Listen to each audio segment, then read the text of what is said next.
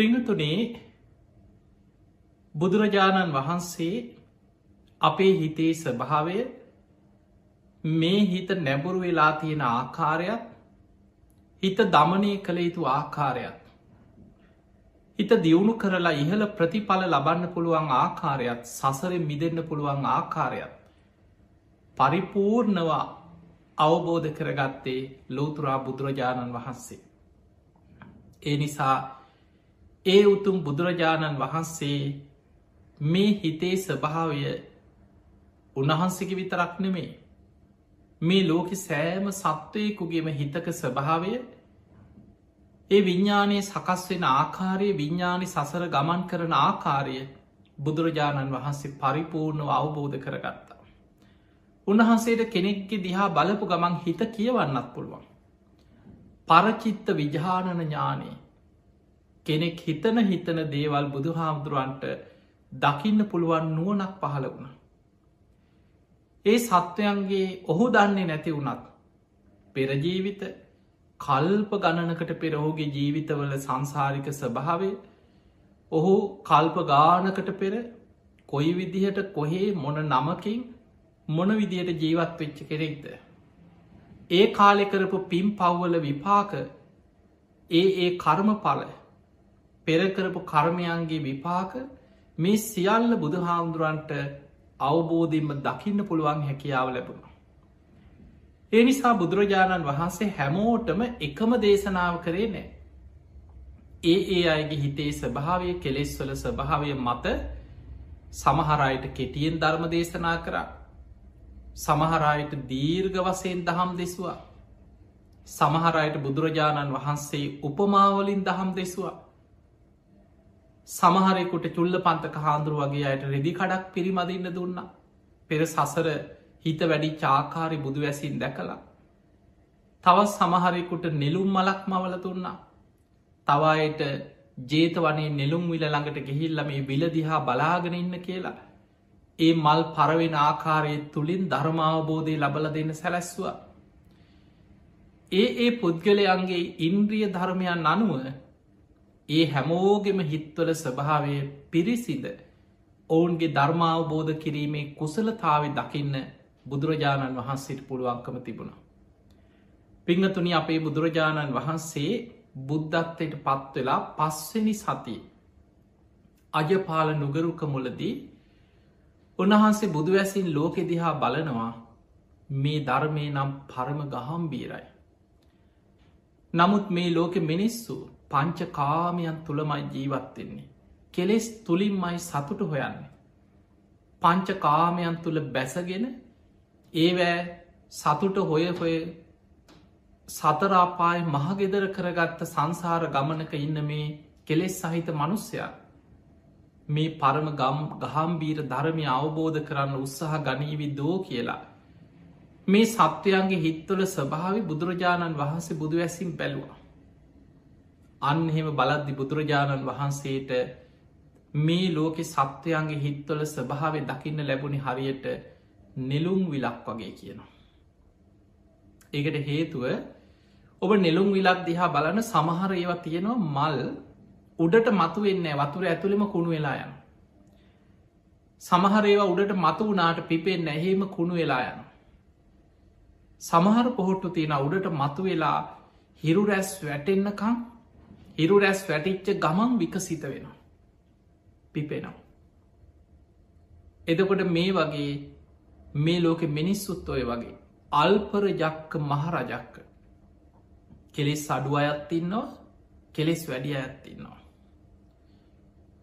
මේ ධර්මය අහන්න ලැබුණොත් ඒ අයි හිත දියුණු කරගන්න හිත වඩාගන්න ධර්මය අවබෝධ කරගන්න භවිස්සන්ති දම්මස් සංඥාතාරෝ ධර්මය අහන්ඩ ලැබුණොත් ඔවුන් අවබෝධ කරනවා.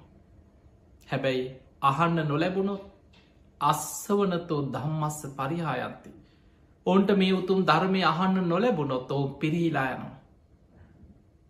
අන්නේ නිසා බුදුරජාණන් වහන්සේ මේ ලෝකෙ සත්වයන්ගේ ස්වභාවය පිරිසිද බලල තමයි ධර්මාවබෝධ කිරීමේ පින් ඇති අය මේ ලෝකෙ ඉන්නවා. ඒ අයට ඔන්න බුදු කෙනෙ කායමත් ලෝකෙ පහළ වෙලා දහම් ගඟ විවර කරනවා. සද්ධාව ඇත්තෝ දෙසවන් යොමා මේ ධර්මයම අසත්වා කියලා උදාන ගාථාවක් පල කරා එදා බුදුරජාණන් වහන්සේ බුදුවෙලා පස්වෙනි සති. ඊට පස්සේ තමයි බුදු ඇසින් බැලුවේ කාටතම මුලින්ම මේ ධර්මී දේශනා කරන්න. ආලාර කාලාම දින හතකට පෙරමිය ගිහිල්ලා. උද්දක රාමපුත කලින් දවසට ඇමිය ගිහිල්ලා. තමන් වහන්සේට උපස්ථාන කරපු දුස්කරක්ක්‍රියා කරන කාලි උන්වහන්සේ බුදුවෙයි කියලා බලාගෙන අවුරුදු ගානක් ඇප උපස්ථාන කරපු පස් දෙනා. පස්වක භික්‍ෂූන් වහන්සේලා කෙලෙ සඩුවෙන් හිටපු අය. ධර්මාවබෝධයට පෙර පින තියෙන අය. ඒ අයට මං මේ ධර්මය දේශනා කරනවා කියලා දාධිෂ්ඨාන කරගත්ත. එනිසා පිංහතුනි අපේ බුදුරජාණන් වහන්සේට මේ ලෝකෙ සත්වයන්ගේ හිත්වල ස්වභාවේ. උන්වහන්සේ ඉදිරියේ හංගගෙන කාටවත් බොරු කරලා එහෙම බොරු කියන්න පුළුවන්කමක් නෑ. බුදුරජාණන් වහන්සේට ඔහුගේ හිතේ ස්වභාවය සියල්ල බුදු හාදුරු දකිනවා. ඒ නිසා මේ හිතේ ස්වභාවය අපි කාගෙත් හිත්වල ස්වභාවය පිංහතුනී බුදුරජාණන් වහන්සේ අපිට මේ හිතේ ස්වභාවය පෙන්න්නනවා මෙන්න මේ කාරණා ඔස්සේ. ඔබ හොඳට හිත ගැන එහෙම නැත්තං විඤ්ඥානය ගැන තේරුම් ගන්න අපි කියනවා මනස හිත විඤ්ඥානය ඔය එකක විදිහට අපි හඳුන්නන. එතකොට මේ හිතේ ස්වභාව අපිට තේරුම් ගන්න පුළුවන් මෙන්න මේ විදියට. පුඤ්ඥංචේ සංකාරං අභිසංකරොන්තීති පුඤ්ඥෝපගං හෝති විඤ්ඥාන. අන්න බුදුහාමුදුරු අපේ විඤ්ඥානය නැඹුරු වෙන හැටි මේ විඤ්ඥානි ක්‍රියාකාරිත්තය සකස් වෙන ආකාරි පෙන්නනවා පුඤ්ඥංචේ සංකර පුඤ්ඥාභි සංස්කාර ගැන පින්. අපි ගම අපි පින් කරනවා. නිතර දන් දෙනවා සිල් රකිනවා අනුන්ට උදව් කරනවා පින් කරනවා පුඤ්ඥාභි සංස්කාර. නිතර නිතර පින් කරනවා. අභිසංකරුන්තීති නිතර නිතර පින් කරනවා. එහෙම පින් කරනවා නිතර නිතර පින් කරනකොට පුඤ්ඥූපගං හෝති විඤ්ඥාන. එයාගේ විඤ්ඥානෙ පිනට නැඹුරු වෙච්ච විඤ්ඥානයක් ඔහුට සකස්වෙනවා. එයාගේ හිත පිනට නැඹුරු වෙලා ඒ හිත සකස්වෙනවා. ඊළඟට බුදුරජාණන් වහන්සේ පෙන්නවා අපුඥ්ඥංචේ සංකාරං අභිසංකරොත්තේතේ අපුඥෝපගං හෝති විඤ්ඥාන ඔන්න හිතේ ස්භාවයි. අපුඥාභි සංස්කාර ගැන අකුසල්. මේ ලෝකෙ සමහරු ඉන්නවා නිතර පංච දුෂ්චරිතය දෙෙන අකුසලෙන්මයි ජීවිතය. හැම වෙලාමෙක්ක ප්‍රාණඝාතයක් කරන්න හොරකමක් කරන්න. සමහරුන්ට දවසේ මොනවාහරි පව්කමක් කරන්න ලැබුන් නැත්නම් නිකං කෑවෙනෑ වගේ. එතකොට ඒ වගේ උදේ ඉඳන් රෑවෙනකං හිතන්නේ සැලසුම් කරන්නේ කතා කරන්නේ දුරාචාරය ගැනමයි. අකුසල් ගැනමයි පවකම්මයි සැලසුම් කරන්න. එතකොට එහෙම යා ජීවත් වෙනකොට අපුඥංචේ සංකාරයි. අභිසංකරුන්තිති නිතර නිතර කරන අකුසල්. එදකොට මොකද වෙන්නේ අපුඥ්ඥෝපගං හෝති විඤ්ඥාන. එයාගේ විඤ්ඥානය අකුසලේට අනුව අකුසලේ පැත්තටම නැබුරු වෙච්ච විඤ්ඥානයක් සකස්වෙනවා. දැ මේ මේ සභාව ඔබ හොඳට තේරුම් ගත්ත ඔබට හිතේ සභාව තේරුම් ගන්න පුළුව. ඔන්න බලන්න මේ ලෝකෙ මනුස්්‍යයන්ගේ අපි කාගේ මේ කතා කරන්න ඔබ ගැන මම ගැන අපි කාගෙත් හිත්වල ස්වභාවේ ගැන. අපි පින් කරනවා නිතර නිතර පින් කරනවා එතකොට අපේ විඤ්ඥානෙ පිනට නැඹුරු වෙච්ච විඤ්ඥානයක් අපිට සකස්වෙනවා. අපි අකුසල් කරනවා පව්කම් කරනවා නිතර නිතර අකුසල් කරනවා. එදකොට මොකද වෙන්නේ අපේ විඤ්ඥානය අකුසලේට නැබුරු වෙච්ච හිතක් විඤ්ඥානයක් අපිට සකස්වෙනවා. ඊළඟට බුදු හාමුදුරුව තවත් මේක විස්තර කරනවා ආනෙන්ජංචේ සංකාරං අභි සංකරුන්තයති. ආනිඥූපගං හෝති විඤ්ඥාන. ආනෙන්ජාවි සංස්කාර කියල කෙන සමාධිය. කෙනෙක් භාවනා කරනවා. සමාධිය වඩනවා. නිතර නිතර සමාධිය වඩනවා. නිතර නිතර භාවනාවීම ඇලි වාසය කරන. එතකොට වෙන්නේ ආනිඥෝපගං හෝති විඤ්ඥාන යාගේ විඤ්ඥානය සමාධියට අනු හැඩගැහිච්ච විඤ්ඥානයක් එයාට සකස්වෙන. දැන් ඔන්න ඔය ස්වභාවය හිතේ ස්වභාවි හැටියට තේරුම් ගන්න. අපි අකුසල් කරනකොට නිතර නිතර අකුසල් කරනකොට හිතා කුසලයට අනු නැබරුවෙන. අපි කුසල් කරනකොට නිතර නිතර කුසල් කරනකොට හිත කුසලයට අනු නැබරුවෙනවා. අපි භාවනා කරනවා සමාධිය වඩනවා නිතර නිතර භාවනා කරනකොට හිත සමාධියයට නැඹුරු වෙලා සකස්වෙනවා. ඕක තවත් තේරුම් ගන්න පුළුවන් අපි සාමාන්‍ය විවහාරය අපි නිකන් ගමේ භාසාාව කතා කරනකොට කියනවා වැල යන පැත්තට මැස්ස ගහනොකි. එතකොට මැස්ස ගහන පැත්තට වැල ඇදිලා යනවා. ඒකයි වෙන්නේ. අපි ගමු. මොකක් හරි මෑ වැලක් හරි මොනවා පැෂන් වැලක් හරි මොනවාහරි උබ දැකලා ඇති නොේ වැල්. ඒ වගේ වැලක් යම් පැත්තකට යවාගන්න ඕනැන දැන් කෙනෙකුට අවශ්‍යයි වහලදිගේ මේ වැල යවන්න. එදකොට මොකද කරන්නේ? ඒ වහලි පැත්තට නැබුරු කරලා වැටක් වගේ නිකම් මැස්ස වගේ ගහන වහලිට හේතුක එතකොට ඒක ඒ පැත්තට ඇදෙනවා. ඔබ ඒ වැට ගහකට හරුවල ගහනු ගහකට හේතු කරලා ගහනු එතකොට වැල ගහ පැත්තට ගිල ගහදි කියන ඒ වගේ අපේ හිතත් ඒ වගේ. අපි යමකට නැබුරු වෙනකොට ඒ නැබුරු වෙලා ඒ ගැනම වැඩිපුර හිතනකොට ඒ ගැන වැඩිපුර කතා කරනකොට ඒ අනුවම අපි කටයුතු කරනකොට නිතර නිතර කරනකොට අපේ විඤ්ඥානයට අනුව හැඩගැහ. අපි යහපත් පැත්තර නං හිත යොමු කරන්නේ යහපත නං කතා කරන්නේ සුභාසිතයක නං වචන භාවිතා කරන්න. හැම වෙලාම ක්‍රියාවත් යහපතේම නං අපි විඤ්ඥාන යහපතටම හැඩගැහෙනවා. අපි භාවනාවට නැබුරු වෙච්ච හිතක් නන්තියෙන්නේ. හැම වෙලේ භාවනා කරනවා භාවනාව ගැනම හිතනවා භාව සමහරු ඉන්නවා භාවනාවට හරි ආසයි. කොයි වෙලෙත් හිතති නනේ භාවනා කරගන්න තියෙනවන. කොහේ හරි ගියත් ලස්සන තැනක් දැක්කොත් කැලයක් හුද කලා තැන මෙතරනම් හොදයි භාවනා කරන්න. ශෝක් තැන අන්නෙම හිතේ නොද සමහරු බොරුවට කියන බොරුවට නෙවී අවංකෝම එයාගේ හිත දුවන්නේ අර භාවනාවටමයි. භාවනාවට හොඳ තැනක්මයි හිත හොයන්න. එයාට පුංචි විවේකයක් තිබුණත් පිරිසෙන් වෙන් වෙලා පැත්තකට දැන් අපි ගම සමහරු ඉන්නවා කතාවේ මැලි වාසය කරන අනුන්ගේ අඩුපාඩු කතා කර කර විහිළු කර කර නොඒක් විදිහට දුරාචාර පව්කාර කතාවලේ දෙනවා. එක්කො කේලාම් පරුස වචන අනුන්ගේ ඇදකොද හැබැයි භාවනාවට නැබුරු වෙච්ච කෙන හිමීම් මගාරිනවා. එයා පැත්තකට ගිහිල එයා භාවනා කරනවා.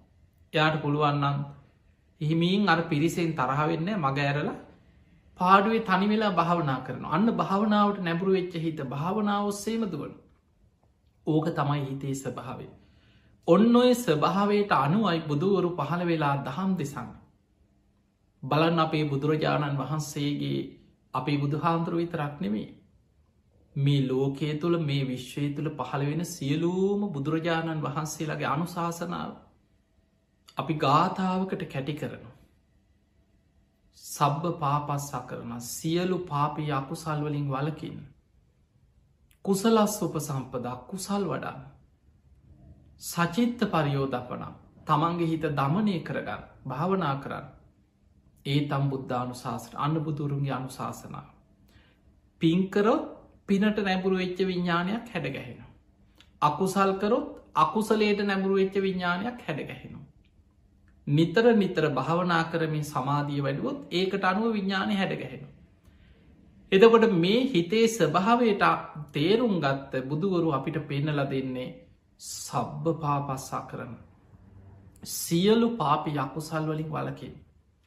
එකක් දෙකක් නෙවෙයි සියලු අකුසල් වලින් වලකින්. මොකද අකුසලේට තමයි විඤ්ඥානි වැඩිපුර නැමෙන්.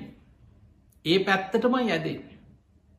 ඒකට හේතු අපේ විඤ්ඥානි පිහිටල තියෙන්නේ ලෝබ දවේශ මෝහ කියන අකුසල මූලයන්ගෙන් හටගත් හිතක් අපිට තිය.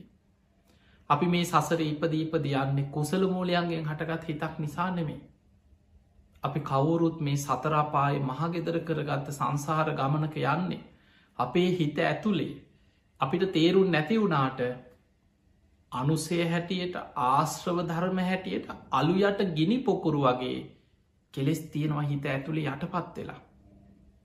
ඒව සම්පූර්ණ නැතිවෙන්නේ රහත් වෙනකොට ආස වක්කේ ඥානය ආශ්‍රවයන් සියල්ල ප්‍රහාණය වනා කියෙන අවබෝධය.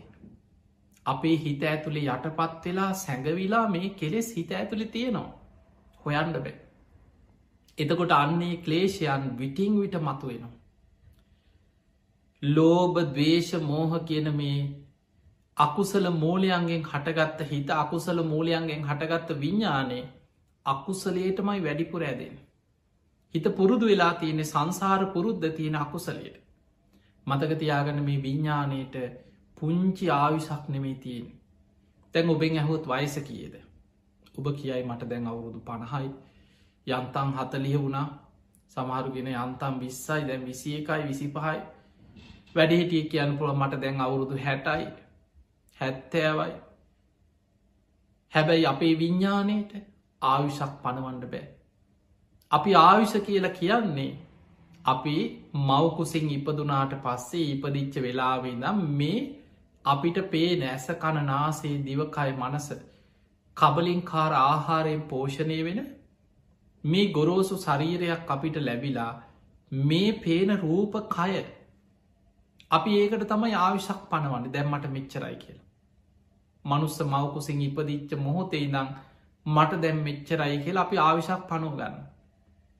හැබැයි විඤ්ඥානය කෙලවරක් හොයන්න බෑ අනමතක්ග කියන සංයුක්තය තුළ බුදුරජාණන් වහන්සේ පෙන්නවා අනමතක්ගෝ යම් භික්කවේ සංසාරෝ මහනෙන මේ සංසාර ගමන අනවරාග්‍රයි. පුබ්බා කෝටි නැපඥා ඇති පටන්ගත්ත කෙලවරක් නං හොයන්න බෑ කිය. ඒ තරන් දීර්ගයි. මේ විඤ්ඥානය සංසාර ගමන සසර ඉපදීපදී අපිව සංසාරය අරගෙන යන මේ විඤ්ඥානය මේ සිතුවිලි පරම්පරාව මේක නොසිද යන සිතුවිලි පරම්පරාව. වෙනස් වෙන අතමයි හැබැයි ඒ පරම්පරාව දිකට යනවා. එකට ධර්මය අභිධර්ම විග්‍රහය විස්තර කෙරෙනවා භවාංග චිත්ත පරම්පරා. චිත්තක් සනයෙන් සනයට මේ සිතුවිලි වෙනස් වෙනවා. හැබැයි වෙනස් වෙන්නේ එකම පරම්පරාවක් තුළ එදකොට මේ භවාංග චිත්ත පරම්පරාව තුළ අපේ ඒකන පුබ්බේ නිවාසානුස්සති ඥානය උපදවාගත්ත කෙනෙක් ආපස්සට බලන්න. තමන්ගේ හිත ඔස්සේම බලාගෙන යනවා. ආපස්සට බලාගෙන බලාගෙනයන එහෙම ආපස්සට බලාගෙන යනකොට දකිනවා පෙර ජීවිතේ තමන් කවුරු වෙලාද හිටිය? ඒ කාලෙ තමන් මොනවගේ දේවල් දේ විඤ්ඥානය මොනවගේ දේවල්වටද පුරුදු කරලා තමන්ව මෙහෙවි මොන විදිහටද?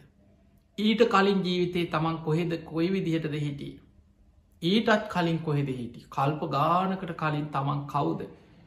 ඒ විදිහට අපේ විඤ්ඥාන මේ සිතුවිලි පරම්පරා ඔස්සේ ආපස්සට හිත වඩලා බලාගෙන බලාගෙන කල්ප ගනන් ආපස්සට හොයාගෙන යන්න පුළො. බුදුවරු පහළ වෙලා අපිට පෙන්නල දුන්නා අනම තක්ගෝ යම් භික්කවේ සංසාරු මහනෙන සංසාර ගමන අනවරාග්‍රයි. පුබ්බා කෝටි නපඥාති පටන්ගත්ත කෙලවරක් හොයන්න බැරිතරන් දීර්ගයි. එවැනි දීර්ග සංසාර ගමනක සංසාර පුරුදු ඒ ක්ලේෂයන් මේ විඤ්ඥානය අපිෝ නිරේට ඇදගෙන ගිහිල් ඇති ඕන තරම්.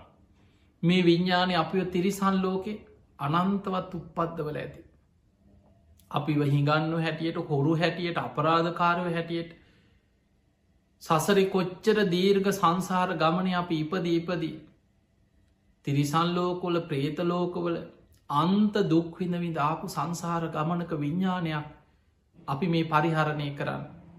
එදකොට එවැනි විඤ්ඥානයක අර දීර්ඝ සංසාර ගමනේ පුරුදුත් එක්ක. ලෝබ දවේශ මෝහකෙන් අකුසල මූලයන්ගේ යුක්ත විඤ්ඥානය ඇදෙන්නේ කුසලට නෙමේ වැඩිපුරම අකුසල් පැත්තට.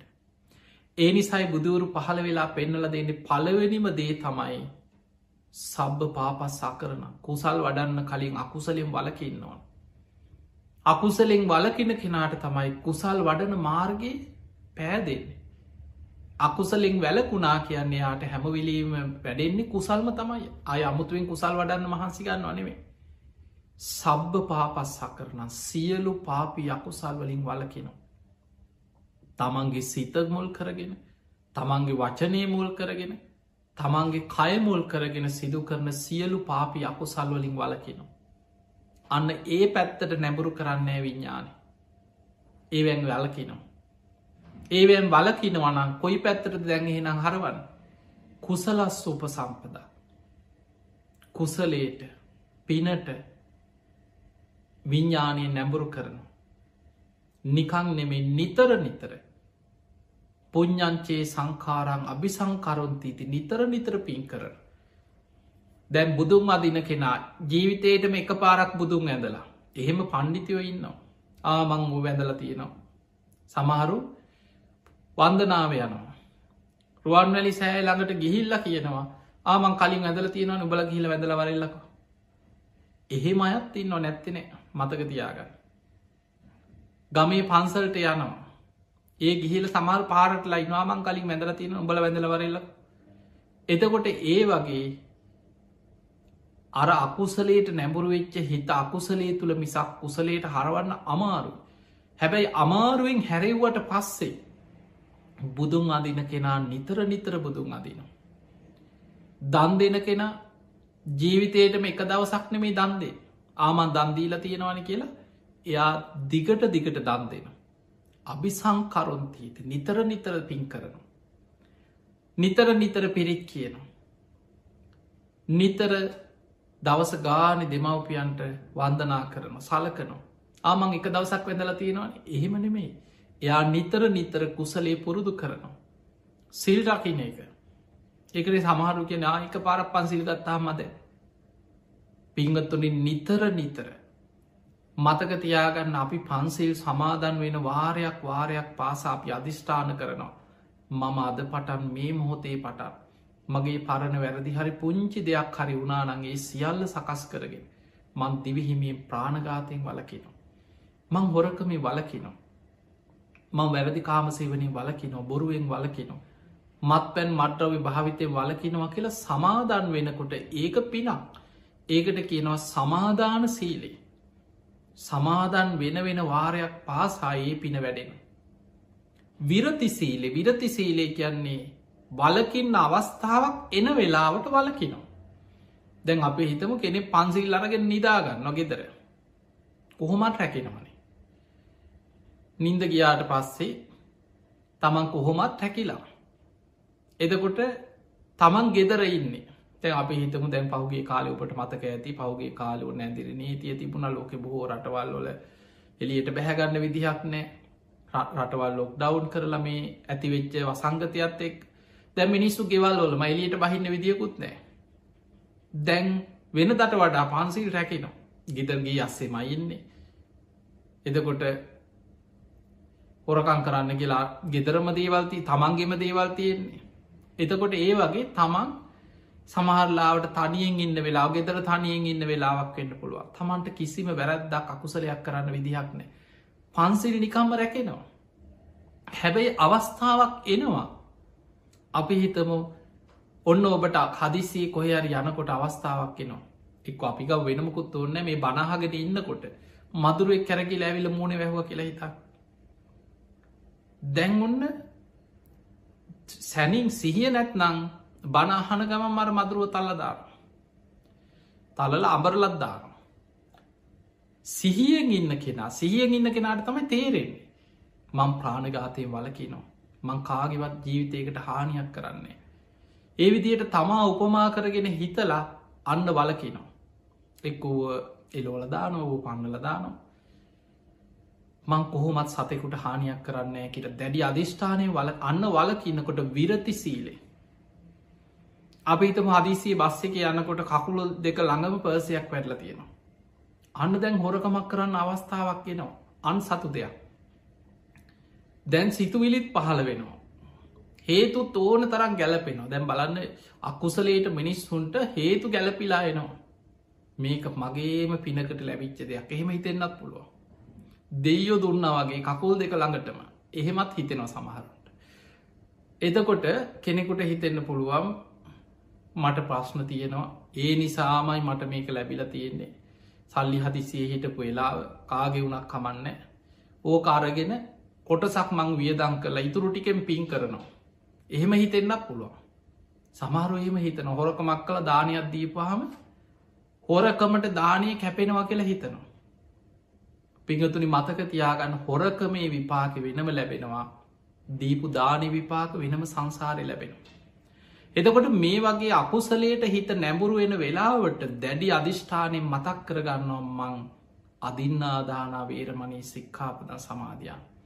මං හොරකං කරන්නේ නෑ කියල සීලයක් සමාධන් වෙච්ච කෙනෙ මං කීයටවත් ඕක කරන්නේ කියලා දැඩි අධිෂ්ඨානයෙන් වලකිනවා අන්න විරති සීලේ. සමාදන් වෙච්නකොට සමාධාන සීලේ ඒ අවස්ථාවේදී ආතාපි සම්පජානෝ සතිමා කෙලෙස් තවන වීරියෙන් නුවනින් සිහියෙන් වලකිනකොට විරතිසීල. එතකොට තවත් පින බලවත්තේ. ඒ සික්ෂාපද ඔක්කොම හෙමයි අප හිතම වැරදි කාම සේවන ඒදෙන් අවස්ථාව ගෙදර තනියෙන්න්නග ඉන්න කායකය දෙන්නද. හදිස්සි අවස්ථාවක් දෙනවා කවරු හරි ඔබ කොළඹෝගන්න උත්සාහ කරා කෙළෙක්තා. දැන් ඔබට කෙලෙස් ඇති වෙනවා. ඒ වගේ වෙලාවක ආතාපි සම්පජානෝ සතිමක් කෙලෙස් තවන වීරිය නුවන සිහිය යොදෝලත් දැඩි අධිෂ්ඨානයෙන් හිතනවන්නේ මං මේ වැරැද්ද කරන්නේ. මං කෝමහරි මගේ හිත පාලනය කරගන්න. මං මේ අකුසලේ යෙදෙන්නේ නෑමයි කියලා දැඩි අධිෂ්ඨානයෙන් තමන් තමන්ගේ හිත පාලනය කරගෙන කෙලෙස් යටපත් කරගෙන මග හැරල හරි එතනින් බේරිලා යනවා. අන්න වලකිනවා විරති සීලය. බොරු කියන්න හිතෙනවා කටට එනවා. හැබැයි දැඩි අධිෂ්ඨානය සීලේ සිහි කරගෙන වලකිනවා අන්න විරති සීලී. ද අප හිතම පන්සී සමාදංගලා ගෙදර තනියෙහි නොකායක බොරු කියන්නද. හැබැයි කවුරු හරි අහු වෙනවා කතා කර කර ඉන්නකොට බොරු කටට එනවාද. අන්න එතකොට හිතනො නෑ මං වචනයක්කත් හැම වචනයක් තුළ මන් සිහිය පවත්තන. මං කවදාවත් බොරුවක් කියන්නේ. අන්න ඒ විදිහට දැඩි අධිෂ්ඨානයෙන් වලකින්න විරතිසීලේ. ඒ නිසා පිංහතුනි අකුත්සලෙෙන් වැලකිලා කුසල් වඩනු. සිල් රකිනවා දම් දෙනවා පින්කරනවා කුසල්ල සූප සම්පදා. බුදුන් අදිනවා මල් පූජ කරනවා පින්කං කරනවා ආමන් දවසක් බනැහුව කියලා නිකං ඉන්න දවස ගානෙ බණහනු දවසකට එක බනත් දෙකක් හැමදාමහනු. නිතර හැමදාම් බුදුන් අදිනවා බණපොත් කියෝනු. මෛත්‍රී වඩනවා භාවනා කරනවා. එතකොට මේ විදියට දවස ගානෙ කුසල් වඩනකොට පුං්ඥෝපගං හෝති විඤ්ඥාන විඤ්ඥානි පිනට නැබුරුවෙන කුසලට නැබුරු වෙච්ච විඤ්ඥානයක් සකස් වෙන. දැම්මොකද වෙන්නේ අකුසලෙෙන් වැලකිලා කුසල් වඩනකොට අර අකුසලේ පැත්තට නැබුරු වෙච්ච හිත කුසලේ පැත්තට නැබුරුවෙන. ඒ කුසලේ පැත්තට නැබුරු කරලා බුදු හාන්දුරුව පෙන්න්නනවා දැන් අපිට පහසුයි කුසලේට නැබුරු වෙච්ච හිත භාවනාවට නැබුරු කරන්න පහසුයි. සචිත්ත පරියෝදපනා අන්න හිත භාවනාවොස්සේ නැඹුරු කරගන්න. සීලේක පිහිටපු හිතක් තුරු තමයි සමාධිය වැඩෙන්. ඒ නිසා පිනට කුසලේට නැඹුරු කරපු හිතක්ම තමයි ප්‍රඥාවට ධර්මාවබෝධයට භාවනාවට නැඹුරු කරන්න පහසු. ඒ නිසා ඉස්සල්ලාම කරන්න ඕන අකුසල්වලින් වලකින් වැරදි හදාගන්න කුසල් වඩන්න පින් කරන්න ඒ පිනට නැඹුරු වෙච්ච හිත භාවනාවට හරෝගන්න. කුසලේට යොමු කරගන්න. සචිත්ත පරියෝදපන. තමන්ගේ හිත දමනය කරගන්න. හිත වඩනො සමත විදර්ශනා භාවනා පුරුදු කරන ටික ටික. බුදුගුණ සිහි කරනවා බසේක ගියත් වාඩි වෙලා යනකොට හරි මෛත්‍රී භාවනා වඩනවා. විවේක වෙලාවක් ලැබුණොත් හොඳට වාඩි වෙලා භාවනා කරන්න හොඳට භාවනා කරනවා. නිතර බුදුගුණ සිහි කරනවා. බුදුගුණ මෙනෙහි කරනවා. අනිත්‍ය වසයෙන් හිතනවා දුක් වසයෙන් අනාත්ම වසයෙන් විමසනෝ. බුද්ධානුස්සති දම්මානුස්සති සංගානුස්සති සීලානුස්සති චාගානුස්සති දේවතානුස්සති ඔය විදිහට සමත භාවන කොච්චර තියෙනවා. එතකොට කෙනෙක් කොහොම භාවනා කරන නිතර නිතර භාවනා කරනවා. ආනෙන්ජංචේ සංකාරම් අභි සංකරුන්තීති නිතර නිතර භාවනා කරනවා. එතකොට මොකද වෙන්න හිත භාවනාවට නැබුරු වෙච්ච හිතක් සකස්වෙනවා. පිංහතුනි අපේ විඤ්ඥානි හිත කුසලේට පුරුදුනාට පස්සේ ඔබ හොඳට බලන්න දැඟුබට මේ කියපු ටික තේරෙන මං සරල උදාහරණ ටිකක් කියන්න එතකොට තවත් තේරේ. අකුසලේට පුරුදු වෙච්ච හිතා අකුසලේමයි හොයන්නේ. ඔබ හිතන්න හොරකමට පුරුදු වෙච්ච මනුස්සේ. එයාගේ හිත කොච්චර හොරකම ඔස්සේ දුවනවද කියලා කිය හිතන්න කාලයක් හොරකමේම නං යෙදුනේ යා හිතෙන් හිතන්නේ හොරකම්. හැම වෙලාම සැලසුම් කරන්නේ හොරකම්. තමන්ගේ ජාතියම හොරු ටිකක් එකතු කරගෙන කතා බහ කරන්න හොරකං ගැන. හොරකමේ මයි දෙන එතකොට යාගේ සිත කයි වචනය තුන්දොරම අර හොරකමටම තමයි සැලසුම් තිය. අප හිතම් පෝය දවසක් කෙනවා. ඔබ දන්න පවුලේ ඉන්න නෑදෑ හැබැයි හොරෙක්. අපි ගම ඔබේ කොයි අරි ඇත නෑදෑකමත් තියෙන කෙනෙක් කියල. වෙසක් පෝයි දවසාාව කියලා හිතම් එතකොට දැන් ඔන්න ඔබ පුද්ගලයා ගැන හොඳටම දන්න. ඔබ කිය කියා ඉන්න. ඕක හොඳ නෑ ඔුවන් වලකින්න පෝයටවත් යමන් සීල්ගන්න ඔහොම කියනවනි මිනිස්සු. දැන් ඔබට හිතෙනවා මේ මනුස්්‍යාව මං වෙසත් දවසේ හරි සිල් ගන්නවන්න ඕන. ගිහිල්ල ඔබම සිල් ඇඳුම් දී ළමේ මගේ සිල් ඇඳුම්. අදවත් යම් මාත් එක්කයම් ගමේ පන්සරේ සිල් ගන්න ලැජ්ජයිනි සමහරු මොක දාවහම ගමේ කට්ටිය ඔක්කොම කැරැට්ටුව දන්නවා. එතකොට සමහරු ඉන්න ඒ නිසා ගමේ පන්සලේ සිල් ගන්න ඈත පන්සල් හොයාගෙනයනවා සිල්ගන්න. එතකොට අපි හිතම නොදන්න තැනකට එක්කං ගියා කියලා හිතන්න හරි ගමේ සිල්ගන්න ලැජ්ජනං යමංකො කියලා කොහරි ඈත නොදන්න කොයරි හොඳ පන්සලකට එක්කං යන සිල්ගන්න දැන් සිල්රෙදි අන්දලා උතුරු සලුව පොරෝල ගත්තට පස්සේ දැන් පෙනුම කොහොමද උපාසකය? හැබැයි හොරා. පෙනුම තියෙන උපාසක පෙනුම. දැන් එක්කං ගිහිල්ල පන්සලේ සිල් ගන්නවා. අර උපාසකවරු එක්කම වාඩි වෙලා බණහන පෙනුමෙන් ගත්තොත් අර ඔක්කෝම හොයන්න බෑ. සුදු ඇඳලා ඉන්නේ. බිම වාඩි වෙලා ඉන්න බිම බලාගෙන ඉන්න බණහනවා හැබැයි හිත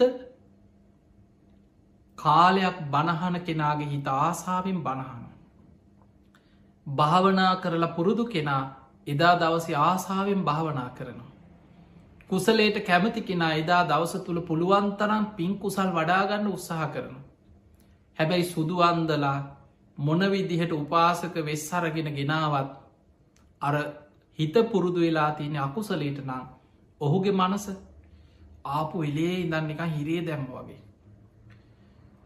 සමහරලාවට දවස සැරෙන් සැරේ වෙලා බලන්න මේක ඉවරවෙන්න ඇත්ද. මේ බණ ඉවරයන්න ඇත්ද. යන්න කියටද. දැන් හිත තියෙන්නේ කැමති නෑ හිත දුවන්නේ අකුසලේට කුසලේට නෙමයි. ඇයි විඤ්ඥානි පුරුද්ධ තමයි සමහර වෙලාවට එතන ඉන්න ගමන් හිතෙන්න්න පුළුවන් පන්සලේ වටිනාදේවල් මොනවත් දන්න ඇතියෙන්. පින් කැටේ කොහෙත් දන්න ඇතියෙන්. ඔය ඉන්න ගමන් බලනවත් නිකන් සාමානයේ පිනට කැමති කෙනා බුද්ධ පූජා පාත්තරයක් දැක්කත් අනේ හරි ලස්සන යනේ කොච්චර දෙයක්ද බුදු හාමුදුරුව වෙනුවෙන් බොහෝම ගෞරුවෙන් අපි කරන්න ඕන කියලා හිතෙනවා. හැබැයි හොරාට මේක දැක්ක ගමන් රත්තරන්න දන්නේ. කියක් වටිනවත් දන්නේ. මේක උත්සගන්න පුළුවන් වින් දන්නේ. අන්න හිත දුවන්නේ අර හොරකමටමයි. සමහරු ඉන්න සෙරෙප්පු දෙකක් හරි උත්සනවායි. ගිහිල්ල තමන් දැන්න දැන තමන්ගේ සෙරෙප්පු දෙක තියලා කාගේ හරි සෙරෙප්පු දෙකක් හරි උත්සගෙනයන. එතකොට කොපස එකක් හරි කාට හරි අර හොරකමට පුරුදු වෙච්ච හිත දැම් බලන්න සමහර කාර්යාලවල නැද්ද කියල ඔහොමයි ගිදර නැතිකමට නෙමේ හැබැයි පෑනක් හරි හාප්සීට් කොලයක් හරි කොහේ හරි හංගගෙන ගිලල හරි ගෙනියන්න පුළුවන්න්න ඒක මහා වීරකමක් වගේ හොරකක් කරන. ඇයි පුරුද්ධ තියෙන්නේ අකුසලේට නැබුරු වෙච්ච හිත අකුසලේට මයිදුවන්. බොරු කියන කෙන බලන්න සමහරු හැම ඔය මුළු පංච ජුස්චරිතෙම ඔය වගේ තමයි. අයිකක් දෙකක් නෙමේ. අකුසලයට නැඹුරු වෙච්ච හිත අකුසලේ ඔස්සෙම දුවන. පිනට හිතක් නැඹුරු කරගත්තට පස්සේ ඒක හරි වටිනවා. දැන් ඔබ හිතන්න ඔබ බණහන්න හිත පුරුදු කරගත්තා කියලා. ඒ පුරුදු කරන්න කරුණු තුනක් අවශ්‍යයි. කොහොමද හිතක් ධර්මයට කුසලයට පුරුදු කරන්න. ඒකට කරුණු තුනක් අවශ්‍යයි. ඒ තමයි ආතාපි සම්පජානෝ සතිමා. ආතාපි කියන්නේ කෙලෙස් තවන වීරයක් අවශ්‍යයි. සම්පජාන කියන හොඳ නුවනක් අවශ්‍යයි.